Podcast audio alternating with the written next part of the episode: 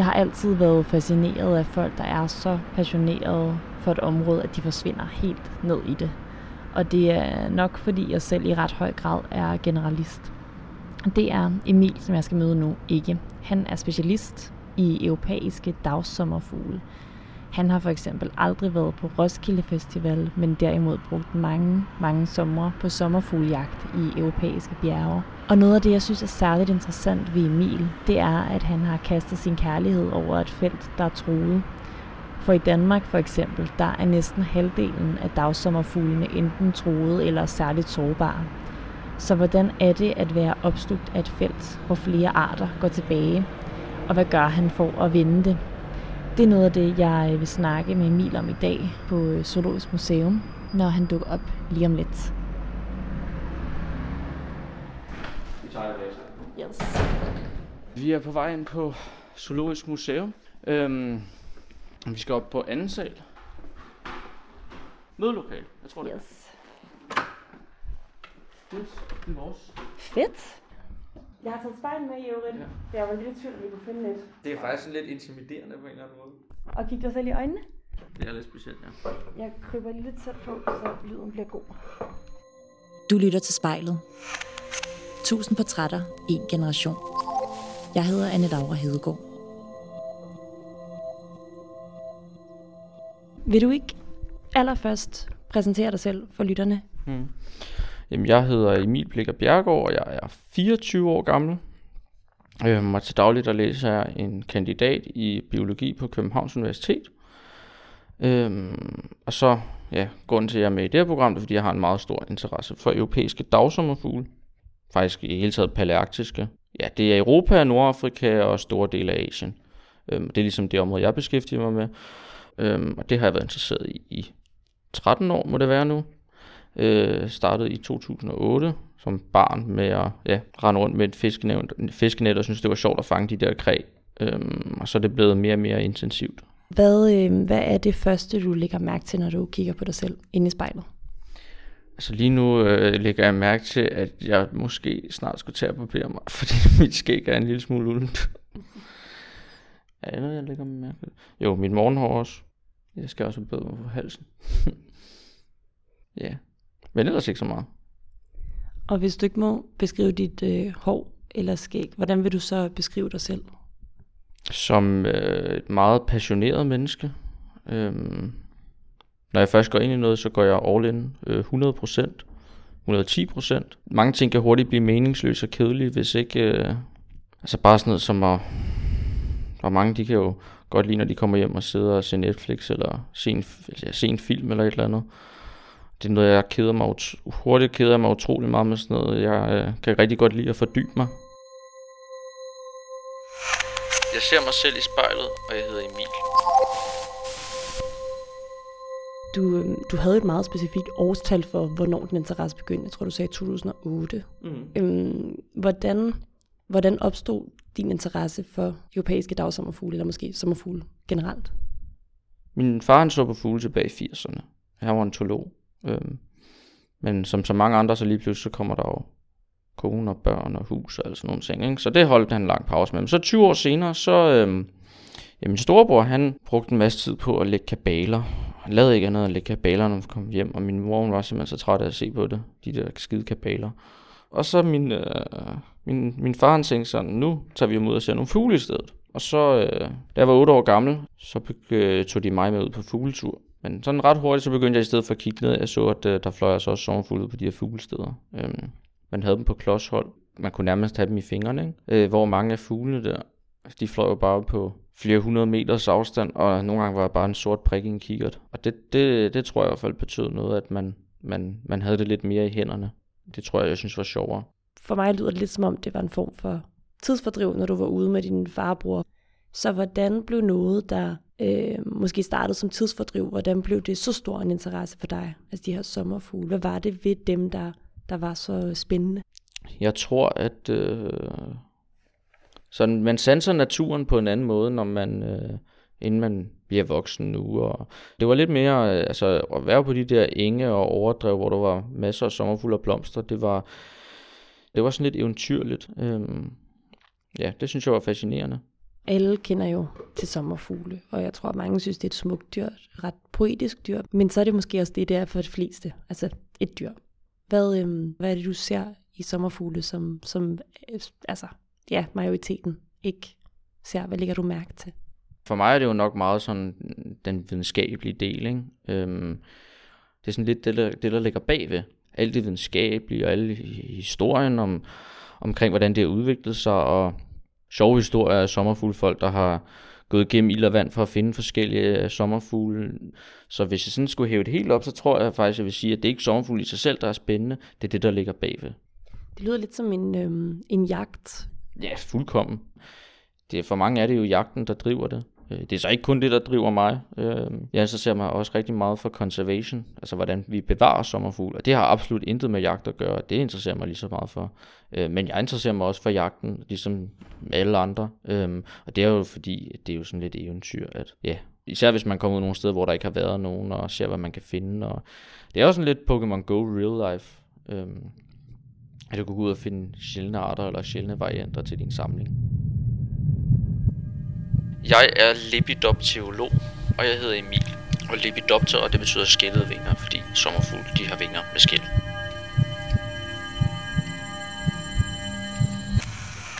Hvordan begyndte interessen at fylde for dig? Ja, altså sådan noget tager til med stigende interesse, ikke? og det tog da alligevel øh, 3-4 år til, at min, øh, mine forældre synes det var fint nok, at jeg bare rendte lidt mere, rendte rundt øh, nogle lidt andre steder end lige nabolaget. Øhm, så det var der i starten af 10'erne, jeg begyndte at køre rundt især i Nordsjælland, og så blev det ret hurtigt udvidet til hele landet. Øhm, og Europa, det kom så først senere. Det var i starten af 20'erne, jeg begyndte at, at, at drøne rundt sådan for alvor uden for landets grænser. Også i kraft af, at på et eller andet tidspunkt, så, så har du set dem alle sammen herhjemme. Og så er man nødt til at kaste over noget nyt, og det har jeg så gjort nu. Så hvornår havde du fundet alle altså varianterne i, i Danmark? Det var faktisk først i år, og det var fordi, øh, jeg havde været lidt sløv med... Jeg havde, det er nogle år siden, jeg havde fundet alle arterne også. Men jeg manglede så en anden form af en sommerfugl, der hedder moseperlemor sommerfugl, som øh, i hele verden findes den, den er kun fundet tre steder. Og det ene sted, den er fundet regelmæssigt af de tre steder, det er jo faktisk i Rolskov ved Skørping. Og den her, det der er specielt ved, med moseperlemor sommerfuglen i, øh, i Rolskov ved Skørping, det er, at 5-10% af bestanden, de ser helt anderledes ud end øh, de almindelige individer. De har sådan nogle meget, meget kraftige sorte øh, markeringer på forvingen. Og den her form, der hedder nigromakulator, den er, den er ja, 5-10% af dem øh, af den her form i Rolskov, og så er den også fundet i Lille Vildmose tilbage i 90'erne, og så er den også fundet et sted op i Norge. Og det er det.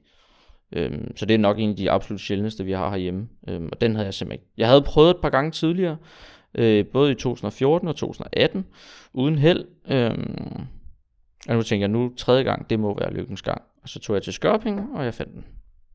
Det var det, jeg manglede herhjemme. Du siger det sådan ret øh, afslappet, at så var du færdig. Men det lyder, jeg synes, det lyder som en ret stor bedrift, at så har du set dem alle sammen. Er det bare sådan lidt, nå okay, så havde jeg gjort det? Eller? Jeg tror, det, det er meget forskelligt fra folk til folk. Øh, jeg er nok en meget afslappet person udad til. Viser ikke nødvendigvis de de store følelser udad til, som man kan se, ikke? men indeni er det jo selvfølgelig, der kører adrenalinen. Ikke? Hvordan, hvis du skal prøve at beskrive, hvordan det så er indeni? Øh, at man kan sige lige med den her, der var jeg jo også lidt forberedt på, at jeg nok skulle finde den, fordi det var også sådan lidt en hintart. Altså jeg ved, den er der, så det er jo sådan, man bliver virkelig, virkelig glad, men sådan, man havde regnet med, at man skulle finde den. Ikke? Hvor at nogle af de der, man kalder drømmedyr, man, man virkelig, altså, det var der mange sommerfuglsamler, som har drømt om alle mulige sindssygt sjældne arter. Når man så finder øhm, nogle af de her superdyr, så er det eufori, og man, man tænker virkelig, at det bare noget, der sker ind i mit hoved, og ja, det, jeg har ikke prøvet at tage drugs endnu, øh, og øh, det må, øh, det må sgu være, øh, det må være, skulle være noget lignende, tror jeg. Det giver virkelig et sug. Da jeg først hørte om det, tænkte jeg, det lød lidt støvet. Men, ja, undskyld. Nej, det er helt men, men det lyder jo også, nu siger du selv, at det er også noget real life Pokémon Go lyder måske også at tale det lidt ned, men at der også er noget eventyr i det. Hvad, hvad kræver det at finde de her? Altså, hvordan foregår det ude i, i virkeligheden? Jamen, forberedelsen er det vigtigste. Øh, fordi du, du forbereder dig på de arter, du gerne vil finde, de arter, du, du måske tror, du kan finde. Du skal sætte dig ind i deres livskrav, du skal vide, hvilke planter de lever på, du skal vide, hvordan du kender planterne. Du skal også tænke over, hvilke højder du er oppe i. Hvis du vil lede efter en eller anden bestemt art, så skal du vide, den flyver mellem 15 og 1700 meters højde. Færdig. Det er ikke bare at tage ud og finde en, en sommerfugl. Der ligger rigtig mange ting bagved, rigtig mange ting, du skal vide. Øhm, og det er jo også det, der gør det sjovt, når man så finder noget, fordi du har brugt så meget tid på at forberede dig. Og når det så lykkes, og du har sat alt det her i stævner, og du faktisk finder det, du gerne vil, så er vi glade. En af mine største sommerfuglopdagelser blev gjort i Albanien, og jeg hedder Emil.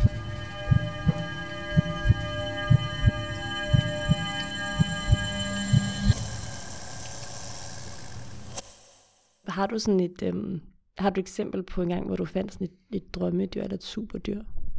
Jeg tænkte faktisk på øh, en af dem her, der cyklede i skole i morges. Historien er den, at øh, vi skulle til Albanien. Øh, vi var en seks danskere, som skulle derned. Øhm, og grunden til, at vi tager til Albanien, det er, at det er et af de mest lukkede lande i øh, Europa. Så der er ikke rigtig så mange, der har undersøgt den her fauna. Og det er jo noget, vi synes er spændende, fordi nu færre der har været der, nu større chancer er der for at gøre nogle opdagelser. Og så skal vi så ned i den sydøstlige del af landet, ned til den provins, der hedder Koche. Øh, det ligger tæt på grænsen til Nordmakedonien. Og øh, det vi skal hernede ved Koche, det er specielt den her amimone her, en af de mest specielle arter i Europa. Øh, det skyldes, at den bliver først fundet i 1975, hvilket er ret sent. Øh, mange af de her sommerfugle er beskrevet tilbage i 1700- og 1800-tallet. Den bliver først fundet i 1975. Øhm, og så fire år senere bliver der også fanget en i det sydlige Albanien. Og så går der mange år, hvor den slet ikke bliver set. Der er kun kendt 7-8 eksemplarer nogensinde.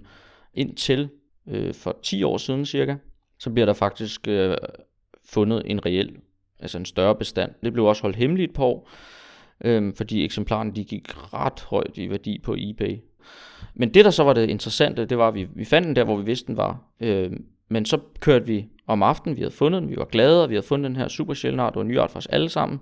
Men så kørte vi ned i det bjergpas, der hedder Kaffa Ikardit. Det var faktisk der, den blev fundet i 1979. For første gang for Albanien. Og den har aldrig fundet der, så den ikke fundet de før. Den var kun fundet der i 79. Og der lykkedes vi faktisk at genfinde den. Øh, hvor vi faktisk fik sat en ny bestand på kortet af den her sindssygt sjældne art. Øh, og det var helt vildt, fordi en ting er at finde en sjælden sommerfugl i Danmark, men det er jo typisk nogle arter, som er i nabolandene, og i international sammenhæng er det ikke noget at råbe hurra for. Men det her, det er altså en art, som kun er fundet 7-8 eksemplarer nogensinde indtil 2010. Og så siden er der så kendt de her tre bestande i Albanien, og det that's it. Og så finder vi så en fjerde bestand. Så det var, øh, det er faktisk noget, vi skal have udgivet her om meget, meget kort tid i et tidsskrift. Og det er jo noget, som, som folk lægger mærke til uden for landets grænser. Så det var kæmpestort. Jagten på sommerfugl peakede i gymnasietiden, og jeg hedder Emil.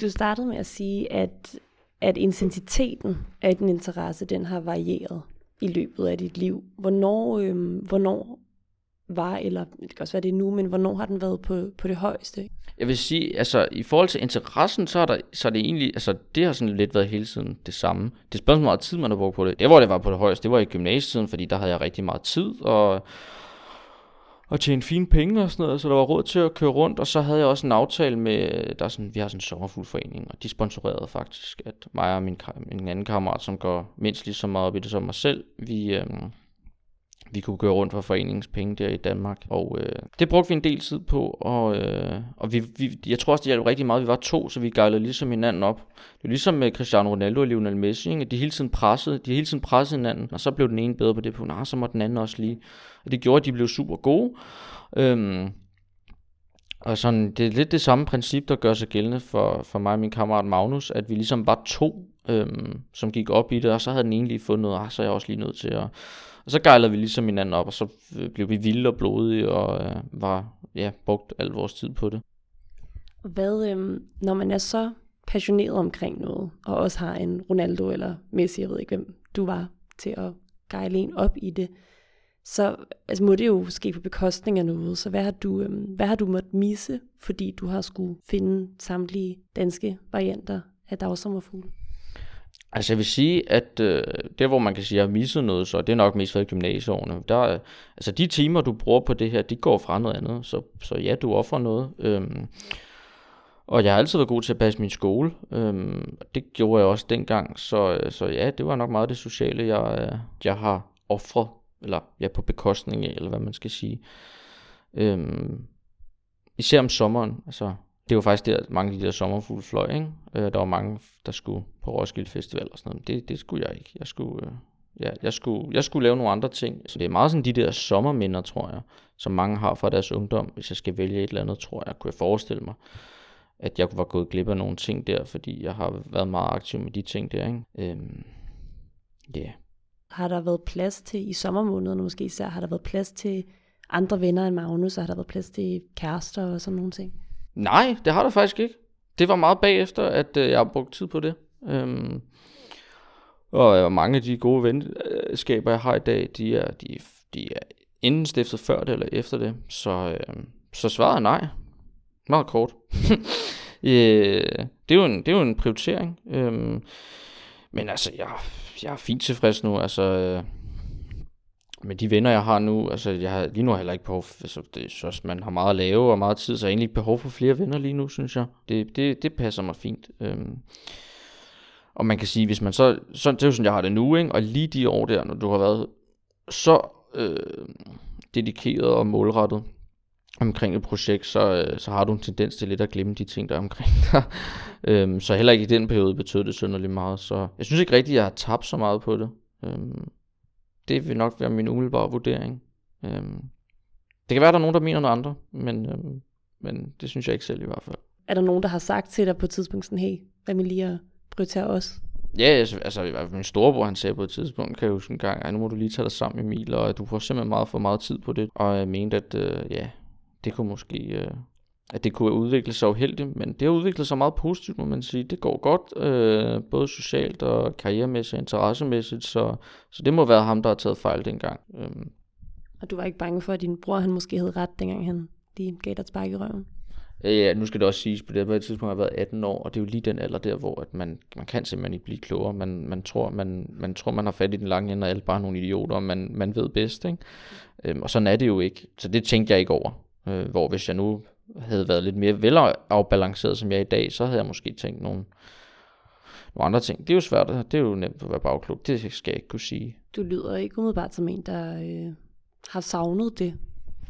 Ja, der, der, du gør, man tager sgu så mange valg her i livet, og øh, altså, det er ikke fordi, jeg aldrig nogensinde har skænket sådan noget en tanke. Selvfølgelig har jeg da det, men, øh, men jeg ved jo også, altså, man kan jo sige, at nu har, har jeg en sådan begyndte at indlede et muligt phd projekt op på Aarhus Universitet, som blandt andet også handler om sommerfugle. Øh, det er jo på baggrund af, at jeg har, har gjort de ting, jeg har gjort. Øh, og den viden ville jeg aldrig nogensinde have, hvis jeg ikke havde brugt så meget tid på det, og også havde sat noget til side for at kunne fokusere på det. Og sådan er det jo, hvis du vil hvis du bliver god til noget, så skal du bruge tid på det, og så må den tid gå fra noget andet. Og hvis du hele tiden tænker på, hvad du er gået glip af, og, så bliver du aldrig god til noget, fordi skal du hele tiden deltage i ting, og det er jo ikke noget, du bliver god til noget af. Så, så hvis man gerne vil være passioneret omkring noget, så skal man altså bruge tid på det, og så må man sætte noget til side. Sådan er det. Ambitionen er at forske professionelt i sommerfugl, og jeg hedder Emil.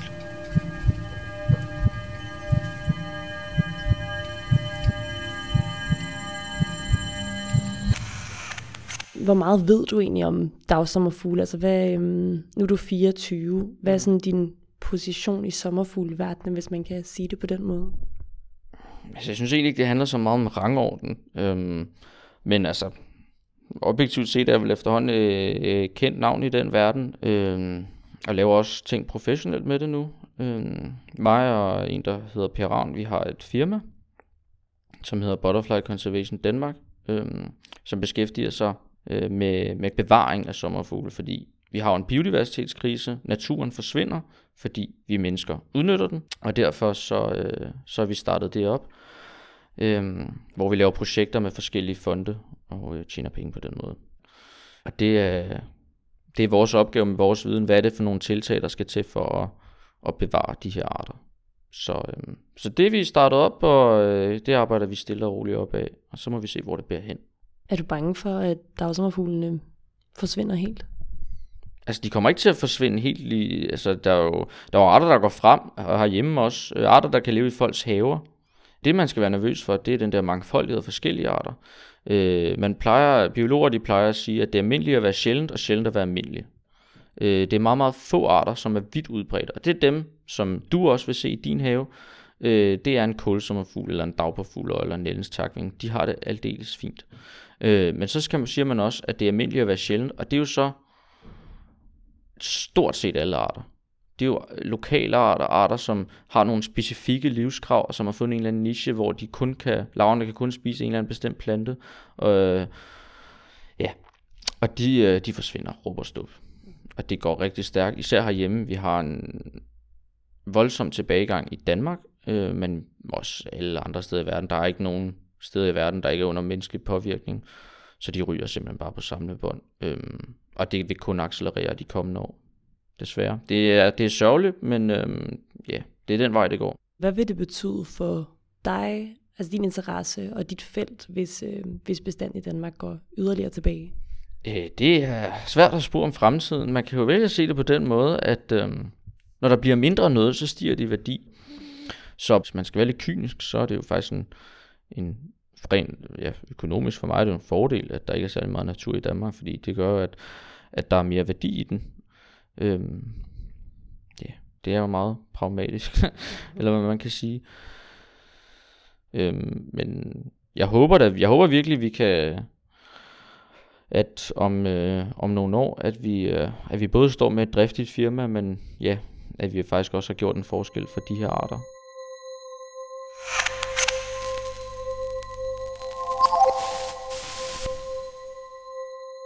Hvad er dit næste mål? Hvad er din ambition?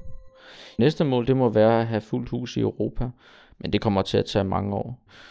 Hvis vi skal regne på det, så øh, nu, øh, nu, nu får jeg lidt mere her i ungdomsårene og sådan noget, og så øh, på et eller andet tidspunkt, så kan det være, at der kommer familie og børn og sådan noget, så er det på pause i 15 år, bortset fra i ny og næ, hvor man måske lige er heldig at få et eller andet. Og så, øh, ligesom så mange andre, så kommer det sikkert op igen, og øh, ja, yeah, så kan det være, der er fuld hus, når jeg er pensionist en dag. Så det, det kommer til at tage lang tid.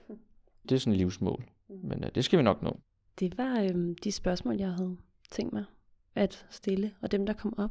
Du må gerne bryde øjenkontakten med dig selv, når du er klar til det. Okay, jamen øh, det vil jeg så gøre nu. Jeg kigge lidt rundt. Det var, øh, ja, det var meget sjovt, for det har jeg sgu aldrig prøvet før, at kigge på sig selv på den måde.